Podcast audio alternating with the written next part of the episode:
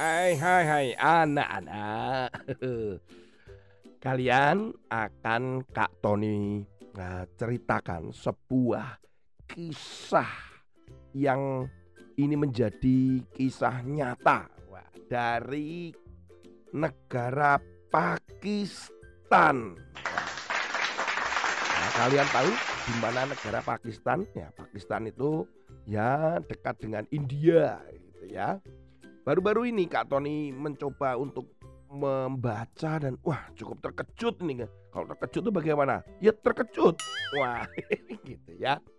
Ada kakak beradik bernama Soaib dan Ahmed. Soaib dan Ahmed. Nah, ya. Soaib dan Ahmed ini adalah anak-anak yang sepertinya itu normal-normal saja, beraktivitas, bermain, kemudian juga menyukai makanan yang dia suka ya. Tetapi anehnya setiap kali menjelang malam atau matahari terbenam ada sesuatu terjadi yaitu tiba-tiba mereka berdua itu langsung langsung langsung lumpuh. Mereka tidak bisa beraktivitas. Mereka hanya tidur, bahkan ini yang cukup mengejutkan, yaitu tidak bisa membuka kelopak matanya. Itu karena lumpuh, bayangkan, wah karena lumpuh sampai-sampai seperti itu.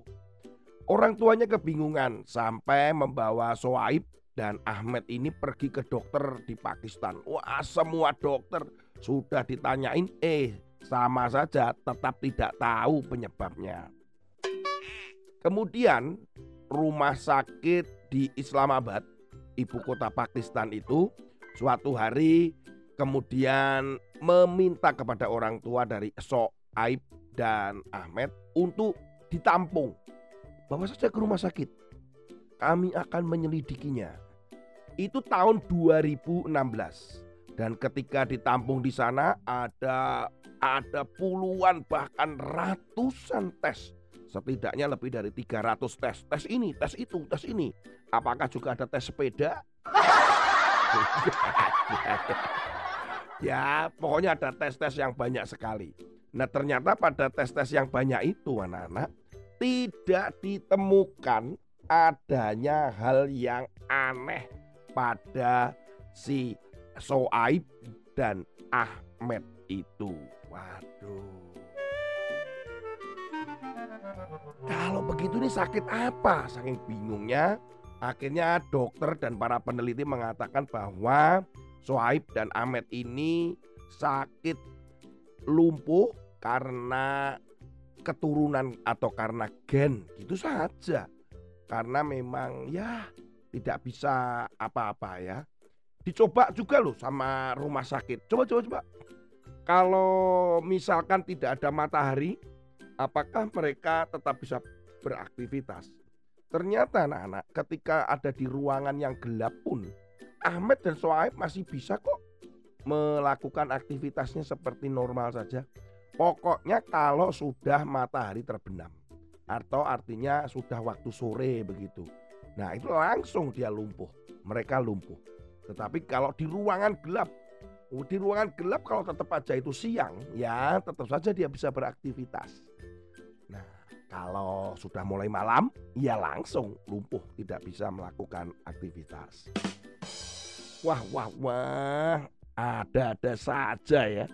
Hari ini kita belajar firman Tuhan tentang sesuatu terkait dengan kemalasan. Waduh, siapa yang malas-malas ini?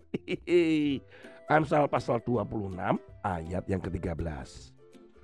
Berkatalah si pemalas, ada singa di jalan, ada singa di lorong, Wah ayatnya kok pendek sekali ya. Ada singa di jalan, ada singa di lorong. Sebenarnya ayat ini hanya mengatakan begini loh anak-anak. Orang yang malas itu banyak sekali alasan.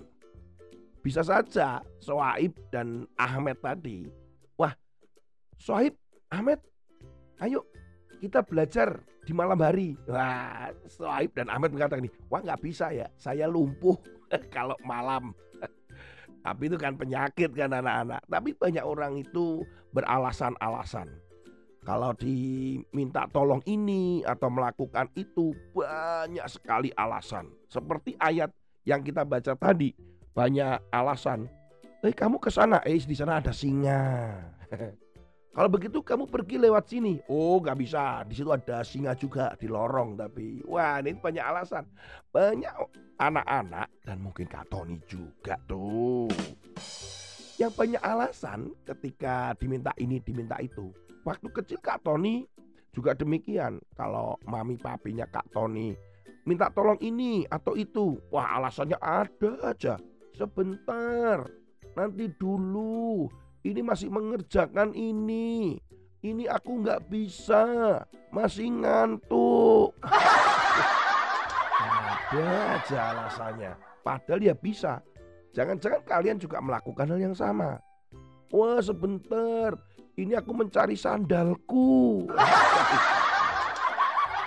Sebentar, aku ini belum makan. Sebentar, wah banyak alasan. Kamu bisa menolong ibu begini, aduh aku ngantuk, banyak alasan. Sebenarnya terlalu banyak alasan, bisa-bisa itu memang karena malas. Aduh, jadi anak-anak, firman Tuhan hari ini kita belajar, jangan banyak alasan. Kalau kita bisa melakukan, lakukan segera. Kalau kita bisa mengerjakan, kerjakan segera. Kalau kita bisa pergi, pergi segera. Nah, Tuhan Yesus senang sekali dengan orang yang rajin dan terus mau melakukan tugas dan pekerjaannya, yaitu melakukan firman. Jangan males-males, jangan banyak alasan.